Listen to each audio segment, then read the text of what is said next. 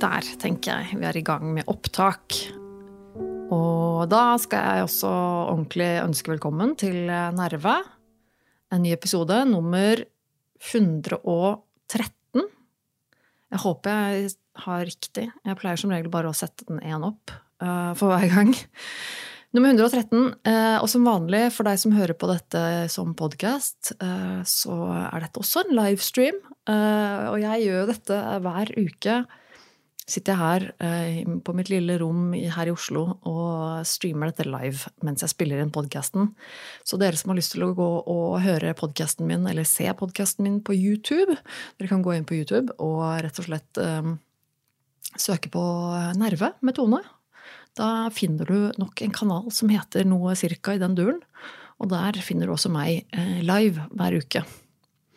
Eh, og da er det alltid hyggelig. Det, jeg, jeg, er ikke så god på å planlegge sånn nøyaktig tidspunkt på forhånd, så det er veldig sjelden at det er mange som ser på live. Eh, det er som regel kanskje et par stykker som stikker innom livestreamen min i løpet av eh, streamen, men utenom det så pleier det ikke å være så mange. Det er jo ikke så rart, for jeg er ikke så god til å annonsere på forhånd når jeg går live. Så da forutsetter du at folk faktisk har tid og lyst til å klikke seg inn på selve livestreamen når jeg holder på, og at de får notification eh, osv. Så sånn. Men nå er jeg i hvert fall eh, tilbake på plass. Eh, så får vi se hvordan dette her går. Jeg har jo noen notater her eh, som jeg tenkte jeg skulle gå gjennom. Um, jeg har eh, Her kommer det faktisk eh, Jeg ser nå allerede her nå at jeg har en, en, en seer. Det er veldig gøy. Uh, Mr. Derp uh, sier Pottimor-hjerte. Han har en flott greie med livestreamene til meg og Gunnar med å kalle meg og Gunnar for Pottimor og Pottifar. Uh, og Mr. Derp spør hvordan har dagen din vært i dag? Uh, og det kan jeg jo for så vidt egentlig begynne med.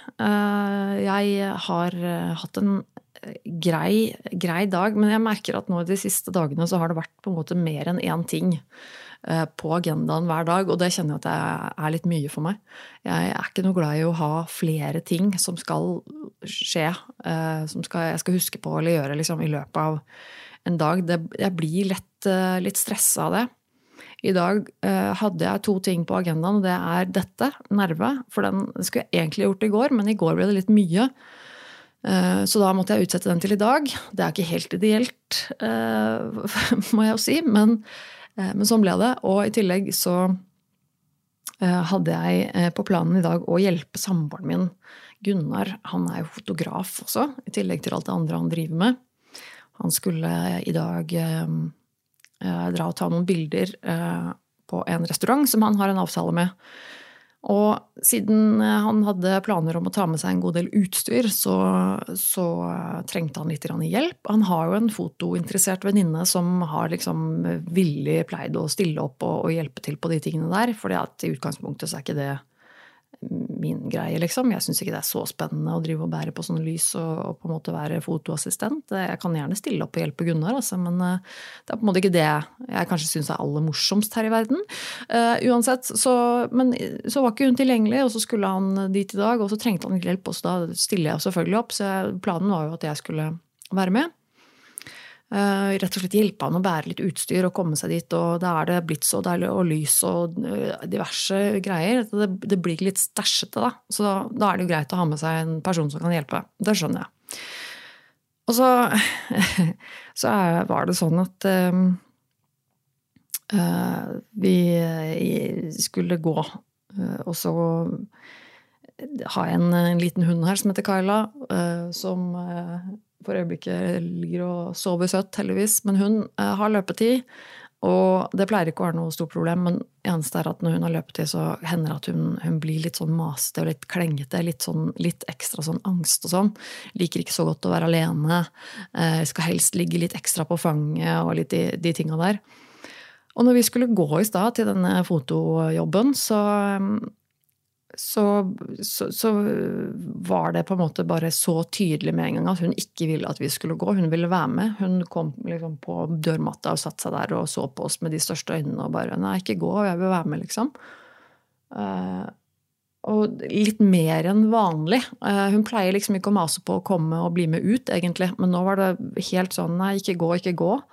Um, og det var helt, ja, det var helt ekstremt. Så når jeg liksom fikk litt vondt av det og tenkte åh, nei, jeg liker ikke å gå fra henne når hun er sånn.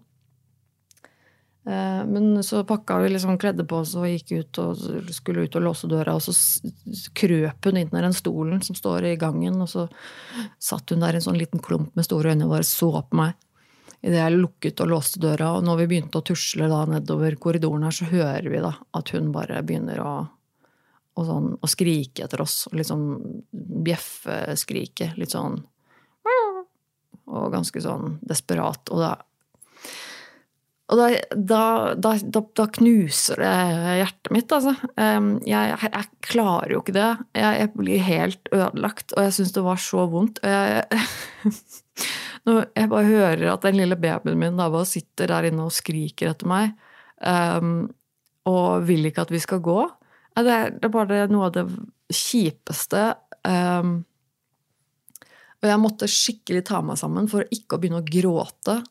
Jeg fikk tårer i øynene og ble helt sånn Nei, jeg kan ikke. Og jeg hadde ikke lyst til å gå. Jeg syntes det var helt for jævlig. Og Gunnar også bare litt sånn Nei, stakkars. Dette var ikke helt ålreit. Og så ble vi litt sånn Må jeg må jeg være med på dette, eller kan jeg liksom bli hjemme?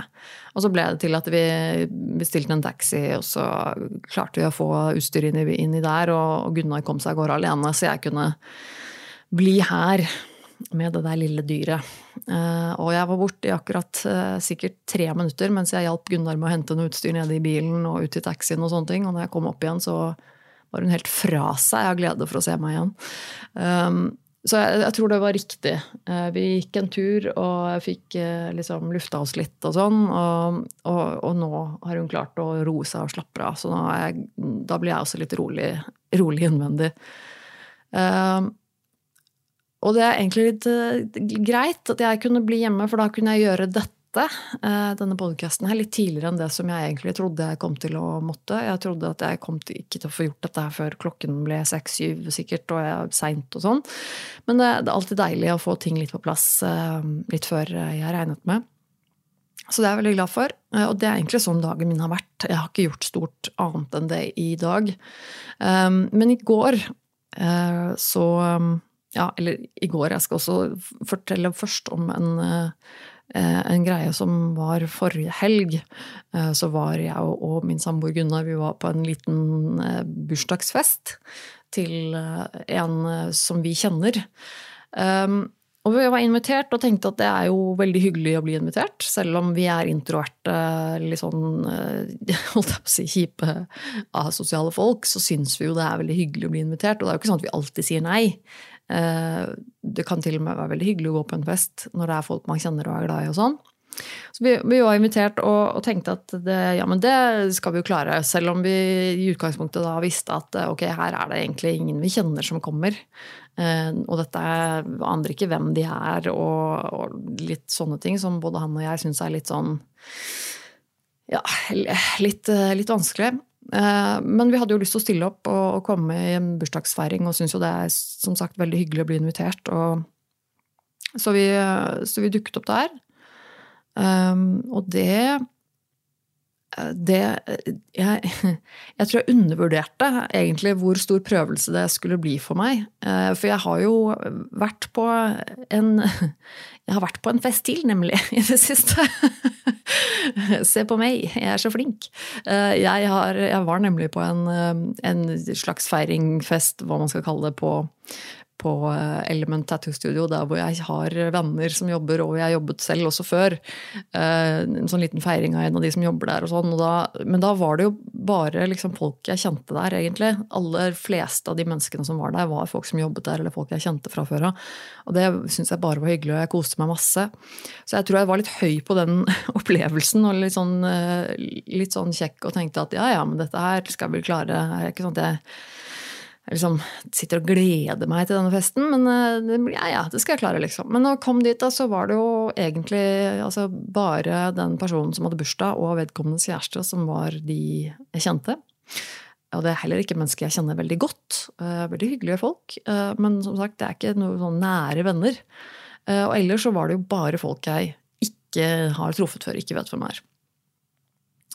og det ble raskt veldig ubehagelig, rett og slett, for min del. Og det er ikke ment som noe kritikk mot noen av de andre på festen eller noe som helst.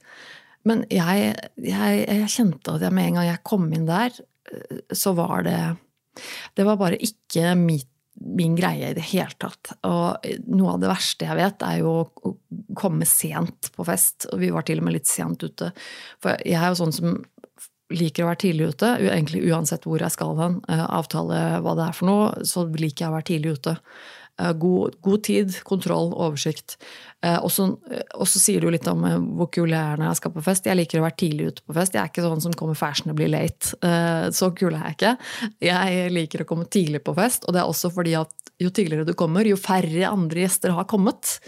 Og da alltid litt sånn behagelig for min del å være den første eller en av de første, sånn at det er få mennesker å forholde seg til med en gang.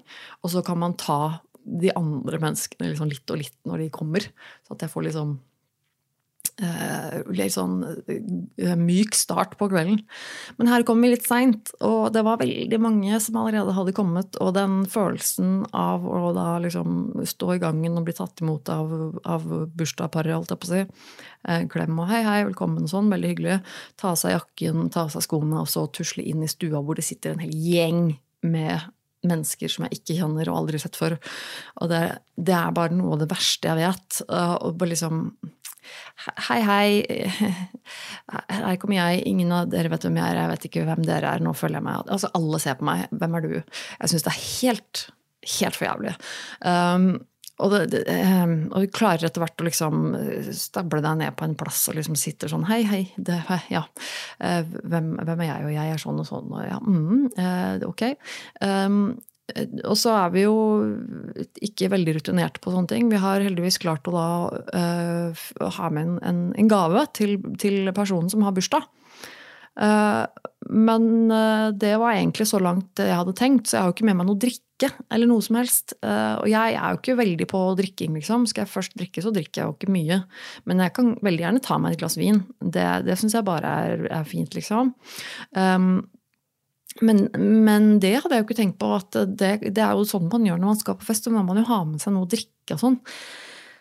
Og, så, så, jeg ble jo sittende der, eller vi, da, jeg og Gunnar for så vidt, ble jo sittende der og liksom Ok, men hva um, ja, drikke, ja. Det, det, tenkte vi ikke på, nei. Eh, og så litt sånn flaut å spørre liksom Ok, hun de, eh, de, som bor der, liksom kan jeg, tror det er, er det mulig å liksom få et glass vin? Eller har du noe, noe, vin, liksom? Jeg glemte egentlig å ta med noe drikke. Um, og så hele det der oppstyret som oppstår da, uh, som er helt forferdelig, hvor og liksom Å ja, ja, nei, men det går fint, liksom. Å gå og finne fram en, en, vinflaske og åpne en vinflaske for at jeg skal få ett glass vin. Og jeg blir sånn Åh, det gjør så vondt. Uh, nei, jeg, og det er, ikke, det er, ikke, at jeg er utakknemlig, for jeg er veldig takknemlig, det var veldig snilt og sånn, men jeg, jeg syns jo det er helt forferdelig. Der, og jeg får så vondt av det, at nå står vedkommende der med en, en vinflaske, og så åpner en vinflaske for meg, og for at jeg skal få liksom kanskje ett glass vin. Eh, det er jo en helt forferdelig følelse. Um, men eh, ja, så, og så ble det egentlig så, Ja, sånn mm, takk, takk, fint. Så tok vi liksom det, satt meg ned igjen, og så eh, og så klarte jeg ikke å komme i kontakt med mennesker. Altså, så jeg ble egentlig bare sittende og snakke med Gunnar. Um, og følte meg som verdens dummeste, teiteste person. Uh, som bare satt liksom midt i der og bare var skikkelig klein og jævlig og snakket bare med samboeren min, som jeg kom sammen med, og bare sånn ja. Da satt vi her, da. Um, ja, var det, var det, god vin, eller? Hva, altså, det, det, det, var helt forferdelig. Og så er liksom sånn hyggelige folk og sånn, men jeg sliter litt med å komme i prat. Og så er det noen sånn 'Å, hei, hvem er du?' Og så prater man litt, men så sklir praten videre til noen andre, og så blir man sittende der igjen, og så Ja, da sitter vi her, da. Um, og så blir man bare sittende her og sittende her, og jeg tror jeg hadde sittet der en halvtime eller noe sånt, og jeg kjente at nå har jeg bare lyst til å gå. Jeg har bare lyst til å gå hjem. Jeg, jeg vil ikke være her. Jeg syns det er helt forferdelig. Jeg var eh, konstant ubehag og angst og bare satt der og bare fy faen, fy faen, fy faen. fy faen. Jeg føler meg så dum. Eh, jeg har ikke lyst til å være her. Jeg kjenner ingen av de menneskene her. Jeg virker ikke som om disse her menneskene er i det minste interessert i å liksom snakke med, med, oss eller med meg. Eh, virker det som om de er min type folk. Eller jeg vet ikke. altså Dette er bare sånn Her skal ikke jeg være-følelse. Og det er jo helt forferdelig. Um, så det ble jo litt sånn at jeg satt liksom og sa til Gunnar sånn ok, hvor lenge må vi sitte her før det er liksom innafor å gå igjen?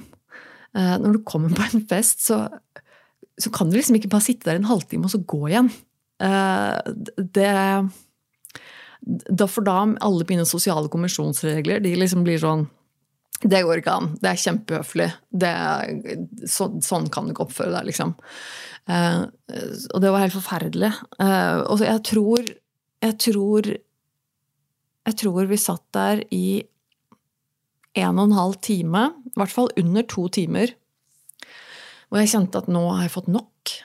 Eh, ikke bare av liksom, den situasjonen, altså sånn som jeg beskrev det hittil, med den følelsen å sitte der på den måten, men også det at um, jeg blir helt satt ut av et sånt feststøy i en sånn firkantet, moderne leilighet hvor, hvor all lyden eh, bare slår mellom veggene, og det er en sånn forferdelig akustikk. Og det er eh, den der pratinga, og ikke var det noe musikk eh, heller som jeg på en måte kunne holdt jeg på å si, hvile øret på.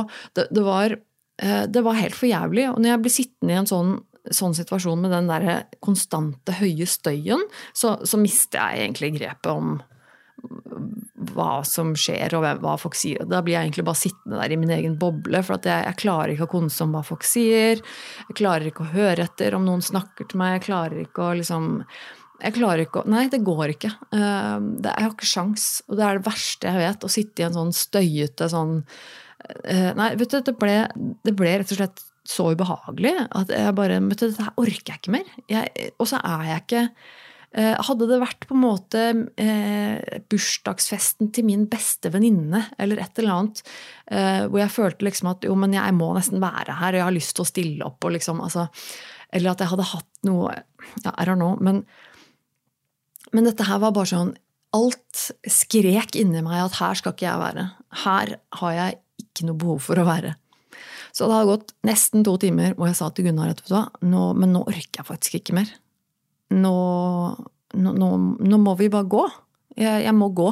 Dette orker jeg ikke. Nå er jeg så sliten i hodet og jeg så, er så stram i kroppen at jeg bare Nå, nå må vi gå. Og da, da, klarte jeg å dra liksom med meg Gunnar ut mot, uh, mot utgangen og, og, sa noe sånt som at til liksom uh, vert og vertinne at nå Vi må nesten bare gå, vi, for jeg er ikke helt i form og, og sånne ting, og skyldte på psyken min. Uh, og klarte etter hvert å komme oss ut av døra og hjemover. og det den følelsen å bare gå ut av den leiligheten og lukke døra bak seg, og det derre vakuumet av stillhet som bare um, det, var, det, var, så deilig. Og bare slippe unna. Um, altså, så det, det gikk ikke så bra, gitt. Um, da merker jeg at det å være sosial, det er jeg ikke godt trent med. Og spesielt kanskje etter et år i Vennesla, eh, helt isolert og nesten ikke truffet mennesker.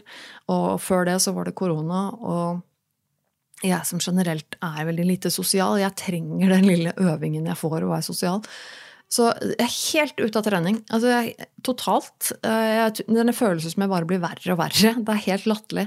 Men jeg er helt ute av trening. Og det, og det merker jeg, merker jeg så fort eh, nå at med en gang det er en situasjon hvor det er en, en, sosial setting med folk jeg ikke kjenner eller ikke kjenner veldig godt, så, eh, så bare funker ikke hjernen min. Altså, jeg føler meg som Jeg, jeg føler meg rett og slett eh, ja, jeg vet ikke hva det politisk korrekte ordet er å bruke, men uh, jeg føler meg ikke veldig oppegående, for å si det sånn. Um, i, går, uh, I går så var jeg og min samboer og spiste på en veldig fancy restaurant. Vi hadde fått et tilbud der, for de manglet, de manglet, noen til bordet. holdt jeg på å si. De hadde noen ledige plasser, og så kjenner vi han som driver den. Så, ja. så vi, vi, ble rett og slett invitert på Eh, en ganske fancy eh, restaurant som heter Rest. Eh, og den det var en, en, annerledes opplevelse. De hadde gått langt utafor sin egen komfortsone med å lage vegansk mat til meg, noe de vanligvis ikke gjør der i det hele tatt. Og så jeg ble jo litt bæret og litt brydd og litt sånn oi, shit, det tar jeg litt mye plass nå. Og det var rett og slett 20 retter Eh, noe jeg aldri har fått servert hele mitt liv. Eh, og det var veldig Det var en artig opplevelse. Eh, kjempeflinke kokker, og maten er jo Det er jo sånne små kunstverk. Du får servert deg én bit liksom per rett, omtrent. og helt, helt topp. Um, og da vi skulle gå, da vi var ferdig med å spise og liksom skulle gå og sånn, så så kommer Jimmy, da, kjøkkensjefen, kommer bort, og, eh, og de, de, andre også av kokkene som har servert oss, og liksom kommer til bordet og sier takk for serveringa og håper alt har vært bra. Så tar vi en liten, og så prater litt med de, um, og skryter av maten og, og, gir tilbakemeldinger og sånne ting. og og jeg var jo veldig ærlig og entusiastisk og veldig, veldig blid. Jeg syns det var veldig hyggelig og veldig gøy opplevelse. Og de var veldig glad, og det var veldig sånn god stemning. Og så igjen så får jeg den derre Når jeg går derfra, så bare kjenner jeg at jeg, jeg føler meg altså så dum. Um, jeg føler at jeg, jeg har ikke um, det er litt sånn rart, fordi jeg, jeg, vet jo at jeg egentlig på mange måter er ganske sånn sosialt flink. Selv om jeg er ganske sånn introvert og egentlig ikke er noe glad i å være sosial, så vet jeg at jeg har skills til å være sosial, på en måte. For jeg har jobbet, jeg har jobbet i servicebransjen, og jeg har liksom alltid hatt en sånn evne til å på en måte skru på en sånn, sånn sosial bryter. Eh, så, så jeg, jeg, har ikke noe vanskelig med å snakke med folk. Jeg har ikke noe vanskelig med å liksom Uh, ja, så, så, det er ikke noe problem, akkurat det. Men jeg merker at hver gang etterpå, eller i hvert fall nå, det siste, og sånn som, sånn som etter å ha vært der på den restauranten også, når jeg og Gunvald går hjem igjen, så bare så føler jeg meg altså som verdens mest patetiske, idiotiske, tåpelige jævel. Uh, jeg føler at jeg har sittet der i tre timer og driti meg ut og vært, eh, at, at, folk blir flaue av meg, og at jeg er så teit, og at alt jeg sier, er helt Jeg tenker jo, altså, Disse folka som jobber her, de må jo se på meg og tenke sånn Hva i all verden er galt med hun dama her? Hun er jo helt hysterisk. Um, og, og, det er så grusomt å gå og føle sånn etterpå. Jeg, og jeg sa det høyt til Gunnar og gikk hjem, at jeg, jeg var, nå føler jeg meg altså så utrolig dum. Jeg føler at de, de, at de syns at jeg var ufattelig teit, og alt jeg sa var helt uh, idiotisk. Og,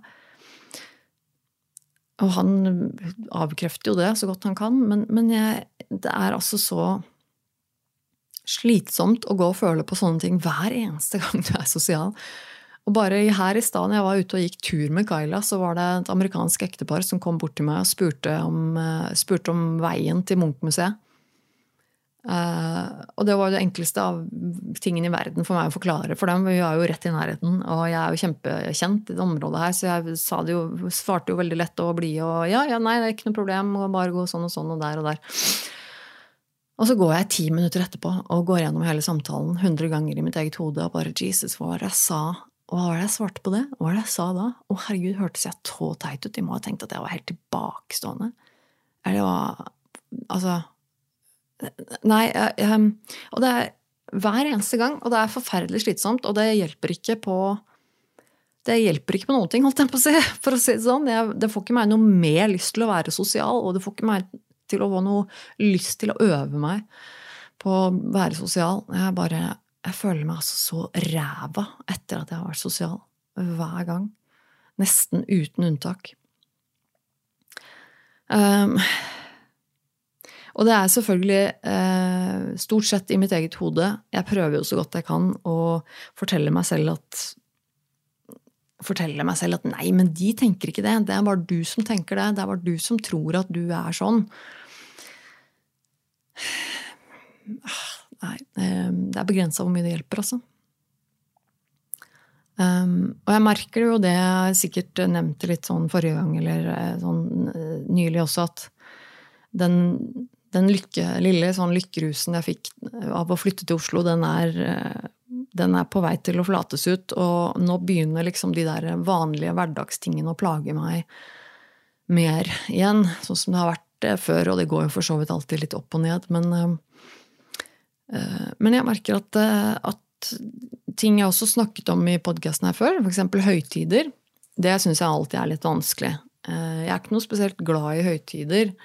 Um, uh, og det har stort sett med rutiner å gjøre. Eh, og det at bare sånne ting som at de faste podkastene jeg hører på, de kommer ikke ut når det er sånn høytider og ferier og sånn, det gjør meg kjempefrustrert. Um, ikke at jeg ikke forstår det, for jeg forstår det veldig godt. Og jeg unner folk selvfølgelig den ferien. Men, uh, og butikker som er stengt, som vanligvis ikke pleier å være det. Og, og at folk gjør andre ting. altså at det Plutselig så er sånn Oi, de har noen sånne rare planer. Da er de borte, eller reis bort, eller altså, Tilgjengelighet generelt på sånn kollektivtransport. Plutselig så er det sånn Nei, den går ikke like seint, det toget der, eller whatever det skal være, liksom. Alt blir sånn unntakstilstand når det er sånn høytid, og det syns jeg er helt for jævlig. Og jeg har funnet ut nå I det siste så har jeg også kjent på de samme følelsene når det gjelder bare det å ha helg. Og det syns jeg er litt kjipt. Eh, helg har jo vanligvis vært en ting jeg kan assosiere med gode følelser. Helg, liksom. Det er digg. Da har samboeren fri. Da kanskje man unner seg et glass vin på fredag kveld. Eh, altså, eh, jeg pleier jo ikke å ha store helgeplaner, liksom, men, men, det er bare noe med at det er liksom Ja, helg, liksom. Det er alltid fint. Men jeg kjenner at jeg, jeg syns liksom, helgen begynner å bli sånn Nei, jeg liker ikke helgen. Uh, skal butikkene drive og stenge tidlig, og på søndag er alt stengt. Og folk har andre liksom, rutiner, og podkastene og greier de, de rutinene er, der, blir ikke det samme. og øh, Sånne ting begynner å plage meg. Og det, her kjenner jeg at ok, nå nå er, du, nå, nå er det sårt, uh, på en måte. Uh, jeg merker at det, det, skal ikke så mye til før jeg før ting begynner å bli vanskelig. Og det er jo en sånn tegn for meg om at, at psyken min er litt sånn um, Ja, hva skal man si? Uh, at, at, ting er litt tungt, eller litt, litt vanskelig for tiden. Da, liksom når alle de der små tingene begynner å bli plagsomt og vanskelig. Um, men jeg, jeg, kjenner at uh, nå, er det snart, uh, nå er det snart påske, og på en måte så gleder jeg meg veldig til påsken. Påsken er egentlig også en sånn høytid som jeg en av de få høytidene jeg på en måte kan glede meg til, fordi da er det liksom vår. Og jeg hater jo vinter. Vinter og kulde og alt det der. Er vinteren er den verste årstiden. Og når påsken kommer, så er det på en måte helt innafor å tenke at nå er faktisk våren her. Um, og det liker jeg jo. Uh, unnskyldning til å liksom kanskje spise litt godteri og sånn. Det er ikke noe trist, det heller. Uh, men det er en av dem at det er så mange helligdager. De der jævla helligdagene. ass. der plutselig er alt stengt, og folk reiser vekk, og det er eh, ingen, Plutselig er ingen podcaster, det er ingen, ingenting som skjer. Alt stopper. Jeg liker det ikke. Jeg syns det er skikkelig angst, og det, er, det, fucker opp alle rutinene mine og alt det, på en måte det lille De småtingene jeg har i hverdagen som gjør at jeg liksom um, ja, det er ikke noe Men, men nå prøver jeg i hvert fall å, å tenke at jeg um, At påsken, den skal jeg glede meg til. Uh, vi skal til mine svigerforeldre på Tonstad i påsken, og det gleder jeg meg jo faktisk til. Håper på det blir fint vær, og jeg tenker at ok, men det, det skal bare bli fint, det. Ferdig med det, liksom. Um, skal vi se Jeg har jo noen notater her foran meg. Jeg må bare sjekke at jeg holder meg sånn noenlunde til uh, disse notatene. Skal vi se Jeg skal også ta Oi, jeg ser at det er kommet et Oi, nei, nei, nei. Mr. Derp kom med et spørsmål til her. Hvordan vil du si at du har taklet å bo alene for første gang? Uh, ja, jeg syns egentlig det har gått uh, overraskende bra. Jeg tror jeg snakket litt om det en episode eller to siden også. Uh, hvor jeg oppsummerte litt egentlig hvordan det, hvordan det hadde vært for meg å bo alene. Jeg har jo egentlig aldri bodd alene. og var ganske nervøs for at at jeg kom til å savne Gunnar veldig mye. Og at jeg kom til å ha det veldig kjipt og at det kommer til å være vanskelig å bare ha mitt eget selskap hele tiden. Og jeg skal ikke si at det ikke har vært det. Det har, det har vært kjipe dager. og Det er ikke bare bare hvis man er litt tung til sinns, liksom, å, være mye alene. Men det har gått mye bedre enn jeg trodde, og det er jeg glad for. Um, det er heldigvis ikke altfor lenge mellom hver gang liksom, Gunnar kommer hjem igjen hit til Oslo, og um, det går som regel ikke mer enn to uker før jeg ser han igjen, liksom. Og, og så er det, jeg tror også det hjelper at, at vi har en slags eh, Som regel holder vi en slags avtale om når han drar og når han kommer tilbake, på en måte, sånn at jeg vet litt hva jeg har å forholde meg til. Jeg vet litt eh, hvor lenge jeg skal være alene, eller hvor lenge Og jeg, jeg tror, det, tror, det, funker ganske fint. Da, da har jeg litt kontroll og føler at det at det funker. Og for all del, jeg klarer meg jo. Altså, herregud, jeg er jo et voksent menneske. Selv om jeg sliter med ganske mye drit, så, så klarer jeg å betale regningene mine. Jeg klarer å gå på butikken og handle inn mat. Og jeg klarer til og med å spise mat hver dag, selv når jeg er alene.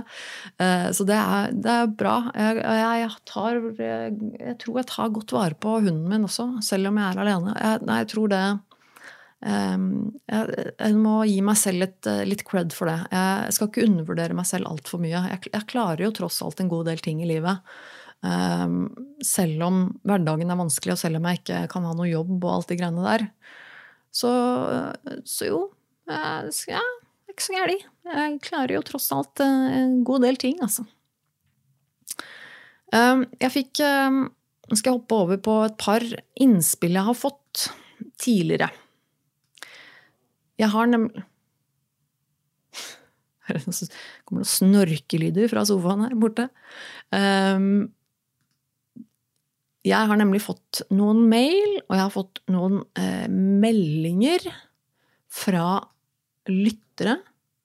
Uh, nå var det fryktelig mange vinduer her. Skal jeg bare få opp hva som er riktig? Skal vi se. Jeg fikk uh, og det, det, var egentlig litt tilfeldig, men eh, det handlet uh, mye om, om, fordommer. Jeg fikk uh, Jeg skal ikke si hvem dette er fra. Som sagt, så, uh, som sagt tidligere, så hvis du sender meg en mail eller innspill eller sånne ting, gjerne av personlig karakter, så ikke vær redd for at jeg skal holdt opp, henge ut noen. Jeg, med mindre det er spesifikt ønsket, så kommer alle til å være anonyme. Uh, jeg, jeg, skjønner veldig godt det at det å, å nevne navn og sånn uh, ofte kan være litt sånn kinkig når det er snakk om litt sånn sensitive temaer. Uh, så, men jeg, jeg, fikk en melding på, på, Messenger. Jeg har jo en Det går an å sende meg melding der på Nerve med Tone Facebook-messengeren. Um, jeg fikk en melding av en lytter Ehm, som skriver Kan du lage en episode om fordommer mot psykiske lidelser? Fordømmelse? Skjerpe seg? Ta seg sammen? Osv. Dette plager meg så mye. Um, for eksempel at folk ser ned på deg osv. hvis du har psykiske lidelser eller rusproblemer. Virker som man ikke kan være syk og smart, men må være syk og dum. Uh, og jeg blir jo eh, selvfølgelig litt sånn lei meg når jeg leser det. For det, det, viser jo bare at det fortsatt er veldig mye fordommer der ute, og at folk opplever fordommer fortsatt. Um, og, og, det syns jeg er veldig trist. Jeg, jeg, håper jo at vi nå Jeg har i hvert fall inntrykk av at denne myten med at uh, du må bare skjerpe deg, den føler jeg jo at vi har kommet litt til livs. Uh, I hvert fall i større grad, håper jeg, tror jeg. Dette med at hvis du er deprimert eller, har, eller sliter med psyken din, at du bare må ja, ta deg litt sammen, skjerp deg, eller bare tenk litt positivt, eller altså den, type, den type, holdning der. Jeg, jeg føler at den blir mindre og mindre vanlig. Og i hvert fall jo mer vi snakker om angst og depresjon, som jo er ganske vanlige lidelser å ha, som de fleste av oss uh, opplever på et eller annet tidspunkt uh, i livet vårt, uh, så, så, tror jeg at det Og nå er det blitt så vanlig også å være åpen om det. I sosiale medier og kjendiser stadig vekk som, som, kommer ut og snakker om den vanskelige tiden med angsten. ikke sant? Jeg har mye å si om det, men, men i utgangspunktet så er det fint at man er åpen om sånt. Og jeg tenker jo at det, det er bra. Det, det, bidrar jo til at, at, det blir mindre stigma og, og sånn. Uh, og litt mer forståelse rundt sånne ting, da. Um, men fordommer Jeg har og spesielt ja, altså, og Jeg tenker jo nok Og hun skriver jo også at um, psykiske lidelser, eller med rusproblemer, og det tror jeg ofte fortsatt dessverre er tilfellet. At det er veldig veldig mange som ser ned på folk som har rusproblemer. Enten om det er eh, alkohol eller andre narkotiske stoffer som, som på en måte ikke klarer å holde seg på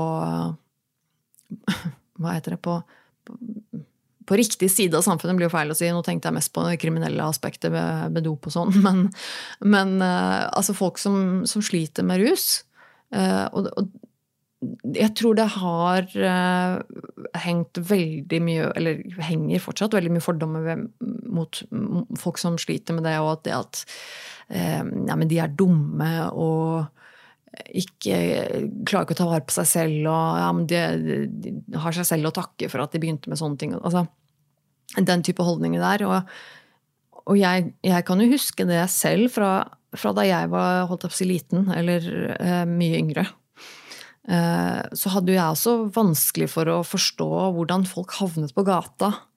Eh, og det, det med at folk eh, havnet i en innenfor en alvorlig rusproblematikk og ikke klarte seg i hverdagen, det å på en måte gå på gata og ikke ha noe hjem. Jeg, jeg syns jo også det var veldig sånn merkelig å, å, skjønne ordentlig. Det er ikke at jeg, jeg skal ikke påstå at jeg skjønner hvordan det er, jeg har aldri opplevd å ha, ha det sånn, heldigvis. Men, men, men, jeg var nok veldig sånn Ja, men hvorfor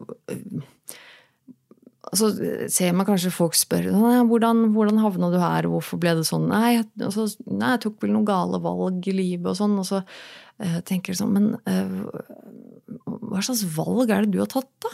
Altså, Går det an å gjøre så feil valg? Altså uten å tenke altså, Hæ, tenkte du ikke konsekvenser i det hele tatt? Altså, jeg merket at jeg også kunne bli litt sånn fordomsfull før på liksom Er det mulig å, å liksom å havne så Men det folk veldig ofte da kanskje ikke tenker på, er jo at det er veldig, veldig, veldig mye mer som ligger bak for de fleste som havner i en sånn situasjon, enn bare det at liksom Ja, men jeg tok noen feil valg. Ja, de tok kanskje noen feil eller noen, noen, kjipe eller dårlige valg, hva man skal kalle det. Men det er jo det er en grunn til at man tar dårlige valg i livet. Og når man tar så alvorlige valg da, som har så alvorlige konsekvenser, så er jo det ofte ikke noe man gjør bare sånn fordi man har lyst eller følte for det, liksom, eller ikke skjønner at det var dumt. Det har jo ofte med at dette er mennesker som, som har et vanskelig utgangspunkt. Mennesker som har som lever med en eller annen form for ofte psykisk smerte, som er veldig vanskelig, situasjon eller, eller lidelser som er, som er vondt. Altså som er, det er fys, psykisk smerte som er vanskelig å leve med. Det vet jeg alt om. Jeg har slitt hele mitt liv med, med smerte. Eh, altså psykisk smerte og det å ha det vondt med å leve og være i seg selv. Og det er klart at eh, det er ikke en situasjon noen har lyst til å være i. Det er ingen som har lyst til å kjenne på en sånn smerte. Og hvis du plutselig da eh, kanskje på et svakt øyeblikk kommer over en, en løsning i gåseøyne med et eller annet uh, rusmiddel, det kan være alkohol eller andre ting som på en måte kanskje gjør det litt lettere akkurat nå, liksom en liten stund, kanskje bare lette litt på det trykket i hodet, eller lette litt på de følelsene, så er det lett å bare ah, Men jeg bare må gjøre det nå. Eh, nå er det så vondt og vanskelig at nå trenger jeg, jeg trenger at det stopper lite grann. Eh, eh, det er jo Det er så menneskelig. Selv har jeg klart å, å holde meg unna de tyngste rusmidlene og sånn, men det kunne like godt vært meg. Jeg tenker jo at det, jeg, har, jeg har nok ikke det, det, er nok det er mange ting som jeg har, har slitt med, med, meg selv og i livet mitt som har gjort at, at jeg lett kunne havnet i sånt, en sånn situasjon. Og at det frister med å ta, eh, få en løsning, en kjapp løsning, noe et eller annet som bare som får deg til å ikke føle deg så jævlig lite grann. Dette har jeg full forståelse for at noen lar seg friste av. Og så er det utrolig trist, um, selvfølgelig i utgangspunktet, at man, at man, står i en sånn situasjon. Men at man havner i en situasjon som er enda verre, med at man kanskje dessverre havner i et høl med, med avhengighet som man ikke klarer å komme seg ut av. Og som bare gjør livet enda vanskeligere. Og så I tillegg til det så blir man liksom sett ned på, og sett på som en sånn søppel i samfunnet, liksom. Et sånn, sånn menneske som ikke er verdt noe. og eh, det er utrolig trist. Og jeg, jeg, jeg mener jo at det, at det, sier ganske mye om samfunnet vårt. Det er hvordan vi behandler de som har det dårligst. Og jeg tenker at vi fortsatt har en lang vei å gå. Både med folk som sliter med rus og hjemløshet, og de tingene men også sånne som holdt jeg på å si, vanlige folk som meg. Folk som sliter med psykisk sykdom, og som ikke får den hjelpen de trenger. Det er skammelig. Og samtidig som vi hører at regjering og, og at, de, at, de, bygger ned beredskapen i psykisk helsevern. Mindre sengeplasser, mindre hjelp, mindre penger til, til forskjellige forskning og avdelinger og behandlinger. og Det gjør meg fly forbanna, og det er rett og slett jævlig tragisk. Eh, og skammelig. Ja. Det Ja. Ja, mm, det var ranten om det. Jeg har et par Jeg har et par, eh, par meldinger til her jeg skal gjennom. Jeg fikk en mail fra også en anonym kilde. Um, en mail som var sendt til meg på uh, nervemetone at gmail.com. Um, en person jeg ikke har møtt, men jeg vet, jeg vet hvem vedkommende er. Jeg har fått et par meldinger fra vedkommende før på litt forskjellige kanaler, og syns det er veldig hyggelig. Og fikk nå en, en, litt lengre mail fra vedkommende som jeg skal lese opp, eh, lese opp her. Igjen eh, helt anonymt, selvfølgelig. Um, det, skal vi se, det første her var vel ikke så relevant. Skal vi se eh, Snakker om Ja, i utgangspunktet Eh, setter pris på min åpenhet. Det er hyggelig. Takk for det. Eh, og så skriver vedkommende. Selv kan jeg ikke være åpen, for jeg er normal i gåsøgne nok til å passere som det til hverdags, og har merket at folk oppfatter meg på en helt annen måte hvis jeg forteller dem om bakgrunnen min og ting jeg sliter med. Noen har misbrukt informasjonen, noen begynner å se på meg som et offer, og noen syns det blir for vanskelig å forholde seg til og vil ikke ha mer med meg å gjøre. Antagelig blir usikre på hva de kan si til meg, er redde for å støte meg eller noe osv. Ingen av delene ønsker jeg. Jeg har også tilbrakt for mye tid til å være et offer til, med å være et offer til at jeg har noe ønske om å være det, eller bli oppfattet som det igjen. Så bortsett fra mine aller nærmeste, og ikke alle dem heller, en kollega og et par litt perifere venner på andre kontinenter, er det ingen som vet noe, nå vet faktisk du mer enn de aller fleste, men uten felles venner er det lettere å si noe til en som kanskje kan identifisere seg med situasjonen. Jeg kan eh, ja, eh, har, noen, har, du noen betraktninger rundt det å komme ut av skapet? Det er naturligvis avhengig av hvordan situasjonen man er i, i en eh, situasjonen man er i, påvirker en i hverdagen. For meg er det viktig at arbeidsgiver ikke vet noe. For det kan jeg fort bruke som en unnskyldning for å ta en dårlig dag hjemme. i gåsøgne. Det er ikke bra for verken meg eller arbeidsgiver. Nå har jeg en veldig god arbeidsgiver, men har ikke alltid hatt det, og har ikke ofte stolt på dem. Jeg skulle ønske jeg kunne snakke litt fritt om ting og være meg selv, men det blir eh, like feil hver gang jeg prøver. Sist gang jeg prøvde, følte jeg meg levende i noen uker før én misbrukte informasjonen og brukte det mot meg, og en annen ville ikke snakke med meg mer. Så nå tør jeg ikke å fortelle om det lenger, og er livredd for at det skal spres. Kanskje burde jeg snakke med en psykolog, men av personlige grunner sitter det ekstremt langt inne. Um, ok, dette ble mye om meg. Vet ikke om jeg tør å sende det, men det var godt å skrive det uansett. Um, uh, ja. Og uh, ja, jeg kjenner jo jeg blir Altså, først, tusen takk for mailen. Jeg må jo si det. Jeg syns det er veldig hyggelig å få mailer som dette, og når folk velger å dele med meg det de, det de sliter med. Um, jeg vet ikke hva denne personen her sliter med. Uh, altså, vedkommende skriver at uh, at, uh, at han ikke kan være åpen om ting som er vanskelig. Og jeg, jeg vet ikke hva de tingene er, aner ikke hva det er. Så det kan jeg jo ikke si noe om. Men jeg må jo si at jeg syns det er utrolig trist å høre at at man på en måte lever, lever med, med, dette her i det skjulte. Um, og det er, jo, det er jo veldig langt unna min hverdag. Uh, jeg, for meg nå så virker jo det helt sånn, helt sånn fjernt uh, å skulle skjule det, for jeg gjør jo ikke annet enn å være åpen om det, på en måte. Men det er klart, jeg kan jo kjenne meg igjen i det. At uh, før i tiden da jeg hadde jobb, og sånne ting, så syntes jeg det var vanskelig å vite hvem man skulle snakke med, eller uh, hvor åpen man kan være om det. For man er jo redd for at folk skal, uh, folk skal tro at du ikke klarer jobben din ordentlig. Liksom. Hvis du sier det til kollegaer eller til sjefen din, at de skal tenke at oi, men kanskje ikke hun er så god for denne jobben her. Ehm, det er jo ting jeg har vært redd for veldig mange ganger tidligere. At jeg har hatt en jobb eh, og har egentlig lyst til å fortelle arbeidsgiveren min om min situasjon, om ting jeg syns er vanskelig, og hvorfor og sånn.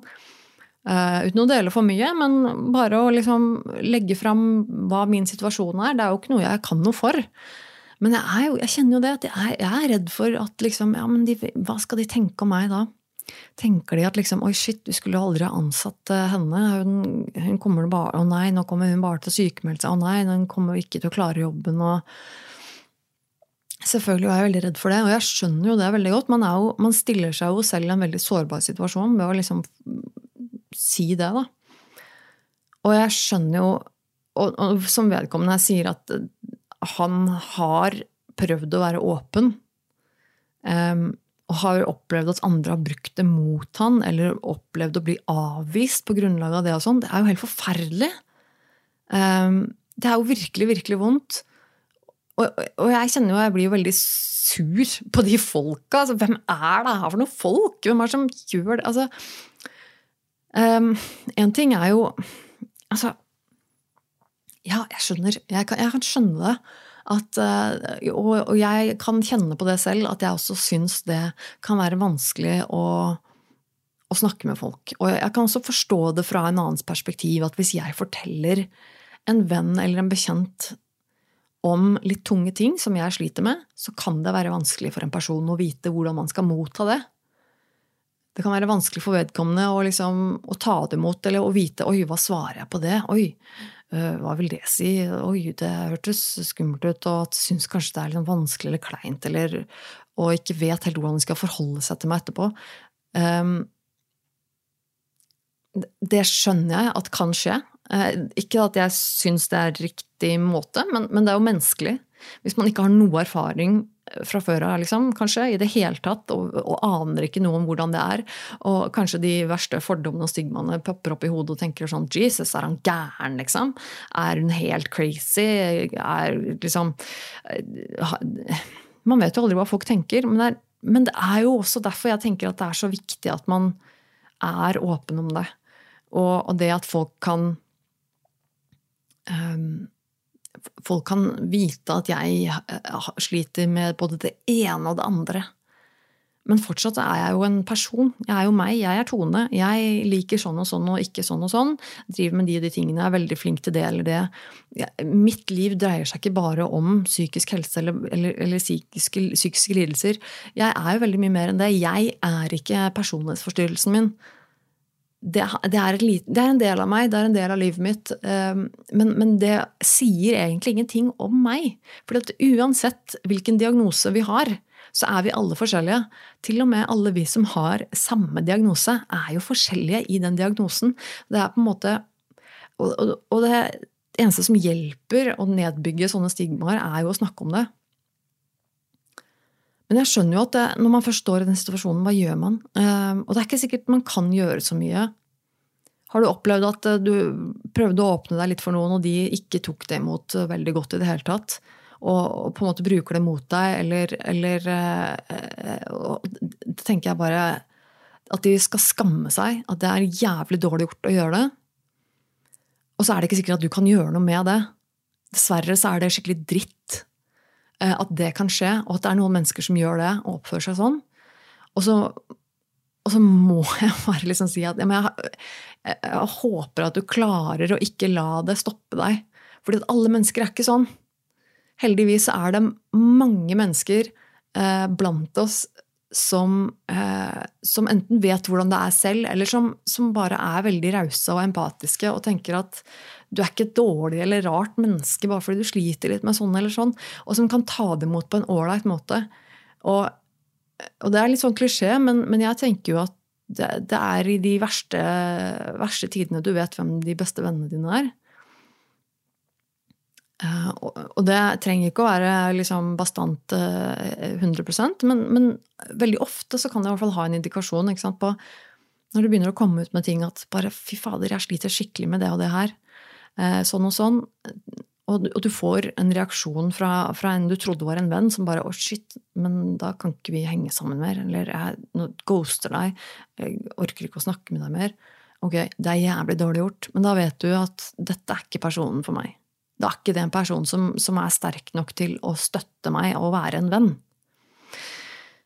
Men når det gjelder arbeidsgiver og sånn, så skjønner jeg at dette kan være tricky. For det her det er jo en litt annerledes situasjon. Det er jo, det er jo personer du ofte kjenner og omgås med ofte, men som likevel kanskje ikke er nære venner. Og arbeidsgiver og sånn. Ja, det er litt tricky. Um, det, kan, det kan jeg godt skjønne. Og jeg tror det kommer veldig an på arbeidsgiver og den personen eller de personene det er. Jeg har opplevd veldig eh, veldig på en måte både og. Eh, hatt jobb hvor jeg på en måte har prøvd å, å, forklare litt for en arbeidsgiver hvordan jeg har det, og hvorfor Oi, denne uka eller denne dagen var veldig tung for meg. Og nå, jeg vet jeg gjør en litt dårlig jobb liksom, i dag, eller sånn, men, men og prøver å liksom fortelle at litt situasjonen sånn, hvor du på en måte merker ganske fort at her møter du ikke noe her møter du ikke noe forståelse i det hele tatt. Her er det bare sånn Ja, men da må du nesten bare ta deg sammen litt. Eller ja, men da må du gjøre noe annet. Altså og, og da, Det er selvfølgelig vanskelig, men jeg vet ikke om jeg får gjort så mye med det. Men da vet jeg at ok, men da kanskje jeg Kanskje jeg må bare ta en sykemelding, da. Ja, det er dumt, for kanskje jeg egentlig kunne vært på jobb hvis de hadde giddet å skjønne eller klart å, å tilrettelegge litt, men nei vel, da får jeg gjøre det som er best for meg, ta en sykemelding, whatever. Eh, kanskje. Eller bare um, finne meg en annen jobb, i verste fall. Eller bare kjenne litt på at ok, men da er ikke det en person jeg kan snakke med. Det er ikke det en person som i utgangspunktet um, Ja en person som, som, skjønner, eller en som tar det på en grei måte. Uh, og så har jeg hatt arbeidsgivere hvor, hvor, det er helt omvendt, hvor jeg, kan, hvor jeg, kan, snakke om ting, og snakke om alt, liksom. Og alt liksom er helt greit. Og jeg kan være ærlig og si at jeg er ganske dårlig form nå. Nå gjør jeg en litt dårlig jobb. Beklager. Eh, og så jeg, blir jeg møtt med omsorg og, og empati. Og, at det er helt, det er helt greit. Eh, selvfølgelig er det dumt om du ikke kan gjøre jobben din eh, bra nok, eller altså, alt det du skal nå, men, okay, men det skjønner vi. Men hvordan kan vi løse dette? Er det noen måter vi kan, eh, kan tilrettelegge dette her for deg, så det skal bli litt lettere for deg? Er det noen oppgaver du vil ha mer eller mindre av? Altså, hvor du kjenner at ok, her, her er det en person som jeg kan dele med. Jeg har opplevd som sagt begge deler og alt imellom. Jeg har hatt mange forskjellige jobber, veldig mange forskjellige arbeidsgivere. Noen som er skikkelig drittsekker, og noen som er helt fantastisk skjønne mennesker. Og jeg, jeg, blir veldig, jeg blir veldig lei meg på vegne av innsender her, som, som, på en måte Som føler at man må leve litt i skjul, da. Um, og i hvert fall hvis det er snakk om venner og, og nære. At man føler at man ikke kan være ærlig eller åpne overfor dem så syns jeg det høres Det er liksom vondt å høre. Eh, for det, det, er ikke noe godt å leve med alt dette her i hemmelighet og, og liksom ikke kunne ha det eh, Ikke kunne være åpen om det. Det er rett og slett eh, Det er litt vondt, syns jeg. Og jeg kjenner jo selv at det å være åpen om de tingene jeg sliter med, det, det, har hjulpet meg. Og selvfølgelig så er det ikke alltid man blir møtt med de kuleste reaksjonene. Eller det er ikke alle som vet hva du snakker om, eller skjønner hva du mener, eller som har ønske om å høre om det i det hele tatt. Noen merker du fort at bare sånn Ok, jeg er ikke interessert, liksom. Nei vel, ok, det er greit. Men for meg har det, har det, um, har det hjulpet mye å, å, liksom prøve å ja, Det høres litt teit ut, men prøve å stå litt stolt i det, på et vis. Uh, og si at jeg har personlighetsforstyrrelse, og jeg har spiseforstyrrelse, jeg har kronisk depresjon og masse angst og har det vanskelig i livet. Sånn er det bare for meg. Dette sier jeg ikke for at du skal synes synd på meg, jeg sier det for at jeg vil være åpen om det og, og fortelle om det, og for at det er mange som har det sånn. Og det jeg Personlig har jeg fått en veldig styrke av det og, og syns det er en fin ting å gjøre. Og nå er jeg jo selvfølgelig åpenbart veldig åpen om det. Jeg lager en podkast om dette her. Jeg snakker om det eh, i, i, som, og gjestet andre podcaster og snakket om det. Jeg snakker om det på YouTube eh, og eh, er veldig åpen. Og det er klart at det er ikke for alle.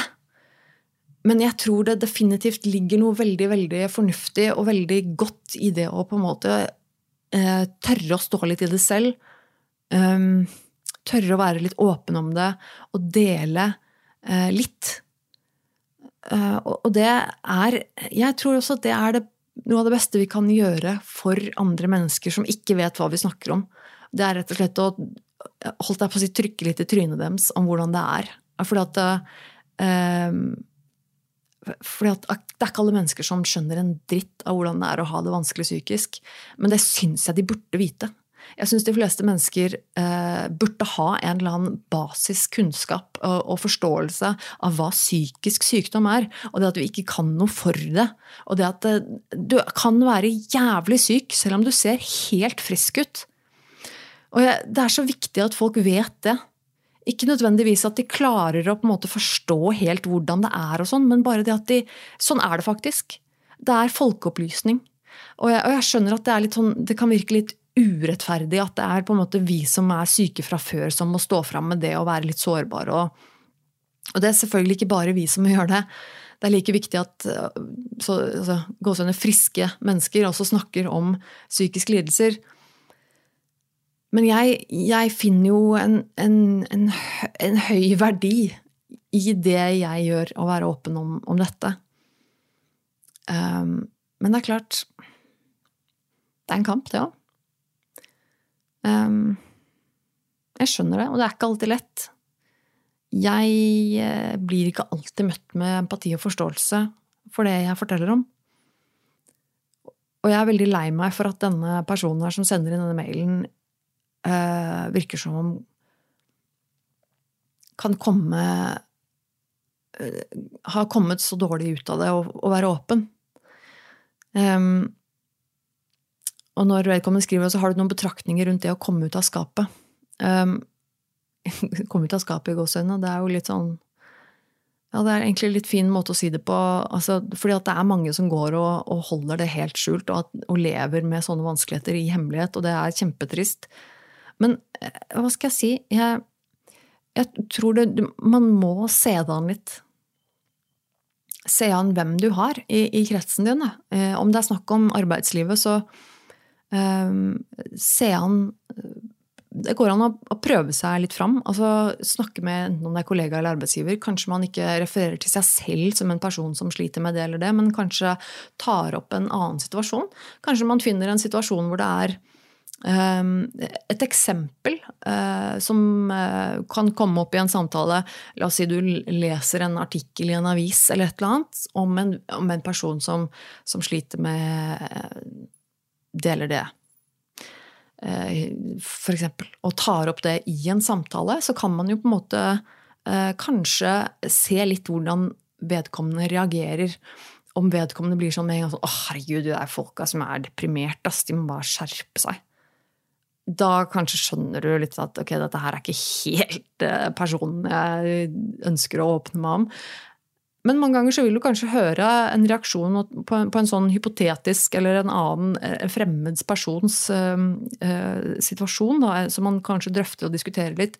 Så, så kanskje det kommer fram at oi, oh shit, ja, det er vondt, ass. Og jeg skjønner godt at folk som har det sånn og sånn, har det vanskelig. Altså, at man kan føle seg litt fram på folk. Eh, ofte kan man det. Og kanskje det er et fint sted å, å begynne. At Eh, at hvis man ønsker å være litt åpen, men, men er litt usikker, syns det er vanskelig, ta så, eh, ta så stikk tåa ned i vannet, liksom. Bare kjenne etter litt. Eh, ta så fisk etter noen sånne Kanskje prøv å komme inn på den type samtale. Kanskje du vil fortelle, altså fortelle om en du kjenner eller har hørt om som sliter. Altså, whatever. Uansett hvordan du gjør det. Men Eh, men, men, jeg tror at det kan være en fin måte å kjenne litt etter på folk. Om hvordan de er mottagende på akkurat den type tema. Fordi noen mennesker er ikke interessert og ikke villige til å liksom, ta den i det hele tatt. Mens andre, og veldig veldig mange, er veldig forståelsesfulle. Selv om de nødvendigvis ikke har noe personlig erfaring, så er det ofte mange mennesker der ute som, eh, som er empatiske og varme. Heldigvis. Um, det ble enda en, eh, en lang, et langt svar og en lang rant på den der. Jeg har én siste mail jeg skal ta for meg før jeg begynner å runde av. Jeg kjenner at stemmen begynner å, begynner å grumse litt. Um, jeg fikk en mail til uh, som har noe, uh, noe litt annet, men kanskje et litt kortere svar. Hei, Tone. Om du vil og har mulighet, kunne du snakket litt om hvor lenge man bør holde ut i en behandling man ikke føler at funker, og hvordan slå opp i gåsøgne, med psykologen sin, vil gjerne være anonym. Uh, ja. Og det her er jo selvfølgelig ikke lett å si. Det er jo aldri noe godt svar sånn verken ja eller nei, eller nå er du ferdig, nå funker det, nå funker det ikke. Uh, og det, det om å ha en match med psykolog og ikke, det er også noe jeg har snakket om flere ganger i, i podkasten. Det er jo viktig å ha en, en, psykolog eller en behandler som man føler at man har en tillit til og har en god kjemi med. Um, men det å um, hvor lenge man bør holde ut i en behandling man, ikke, man føler at det ikke funker, da vil jeg si at eh, ikke lenge. Eh, altså Hvis du går i en behandling som du føler at ikke funker, så tror jeg det er viktig å ta det opp med behandler. Eh, en psykolog eller en behandler, hvem det nå enn skal være, er en person som utgangspunktet er eh, utenforstående, en person som skal forholde seg objektiv til, til, situasjonen og til deg, og, og til på en måte eh, og, og, profesjonell, ikke minst, eh, til situasjonen. Og også eh, vil være klar over at eh, behandlinger går opp og ned. Det funker veldig bra, det funker veldig dårlig av og til. Det er noen som ikke matcher helt. Noe, altså, har man gått i en behandling lenge, så kanskje det stagnerer. Kanskje det er på tide med en pause. det, Dette er ting som en behandler skal vite. Um, og dette er også en ting som da er viktig å kunne snakke med en behandler om. Og hvis man, hvis man går til, for går til en psykolog og, og, har gått en stund og kjenner at dette her funker ikke, så prøv å snakke med psykologen om det. Prøv å bare ta det opp uh, og, og, drøfte det med vedkommende og si men du, jeg føler at denne, denne, prosessen her, den behandlingen vi driver med nå, jeg, jeg vet ikke om jeg syns at det funker så bra. Um, jeg, tror kanskje jeg føler at det ikke funker. Og så kan man sitte og drøfte litt kanskje hvorfor det ikke funker. Hva er det du føler at det ikke funker? Kanskje det er noe rent konkret? Kanskje det er noen metoder man kan endre på som gjør at det funker? Eller kanskje det er en match som ikke funker? Um, det, og det, det, kan jo være så mangt, uh, men jeg tror det er viktig at man at man tar det opp med behandleren sin. Um, og det står Og vedkommende skriver også hvordan, hvordan slå opp med psykologen. Uh, det, uh, det skjønner jeg. Jeg skjønner at det kan være vanskelig. Jeg også har sittet i situasjoner hvor jeg med en behandler hvor jeg tenker at dette her det funker ikke noe særlig bra.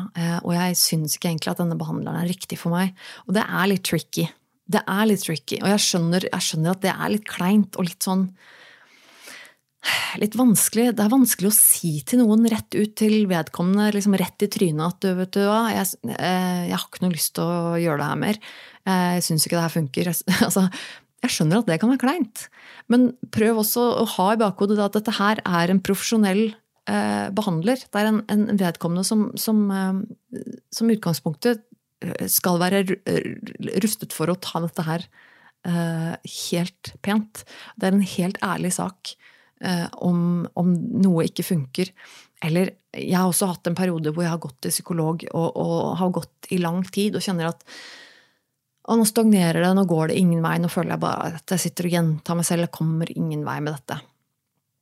Og har snakket da med psykologen om det, og så har vi kommet fram til at ok, kanskje du er, kanskje du er mettet på denne behandlingen nå, kanskje du trenger en pause. Um, og det, da kan det kanskje være riktig. Kanskje man tenker at ok, men denne, denne dialogen mellom oss funker ikke helt optimalt. Um, og, og, det trenger jo ikke å være noe personlig med, med behandler i det hele tatt. Og vedkommende skal i utgangspunktet vite det. Uh, men det kan man jo også understreke hvis man syns det er litt ubehagelig å si at du, jeg syns ikke jeg syns ikke dette her funker så godt. Det samarbeidet vårt er ikke helt optimalt. Ikke noe personlig med deg, du er sikkert kjempeflink i jobben din, men, men det bare helt sånn Jeg vet ikke om jeg klarer helt å, å liksom få til denne kjemien.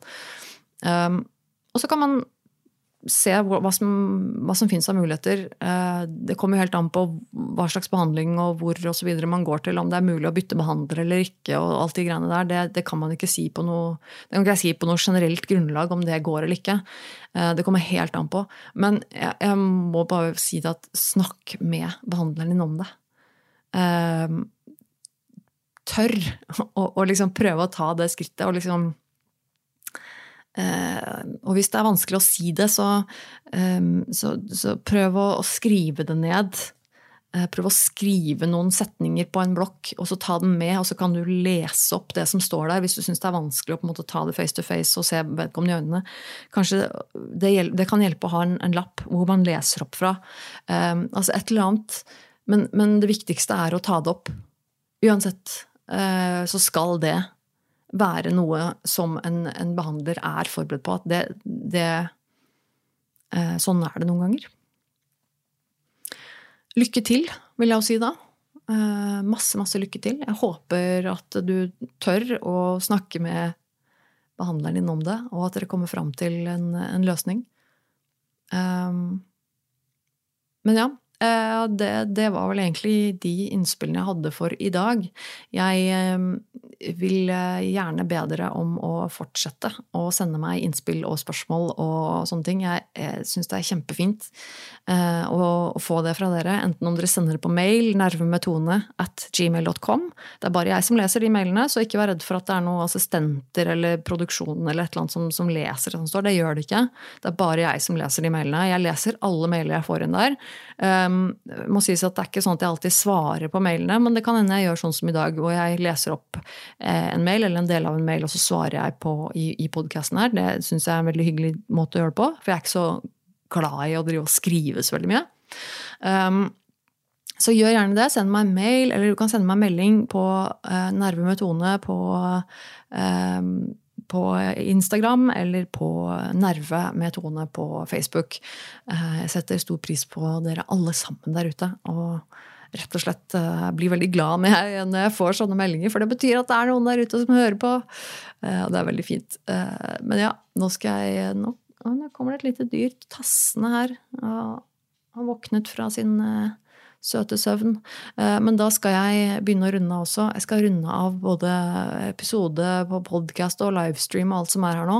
Eh, gå inn på YouTube og søk på navnet mitt, Tone Sabro, eller eh, Nerve og Tone Sabro podkast. Du finner uansett kanalene mine der. Du kan få, som sagt, du går an å se dette her på, på YouTube hvis du liker å høre podkast der. Og så Ja, jeg tror det var egentlig alt. Jeg tror jeg har fått med meg det meste nå. Eh, så da vil jeg atter en gang si tusen takk til deg som hører på eller ser på. Det er veldig hyggelig å, å ha deg her, enten om det er live eller i opptak eller i podkast. Eh, så ses vi, høres vi igjen om en ukes tid. Eh, vil jeg tro. Håper det. Om ikke det annet, noe annet skjer. Så ja. Ha det.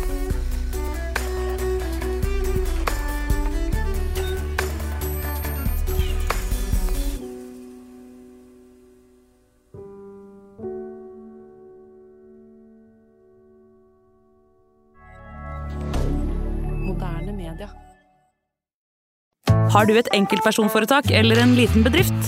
Da er du sikkert lei av å høre meg snakke om hvor enkelt det er med kvitteringer og bilag i fiken, så vi eh, gir oss her, vi. Fordi vi liker enkelt. Fiken superenkelt regnskap.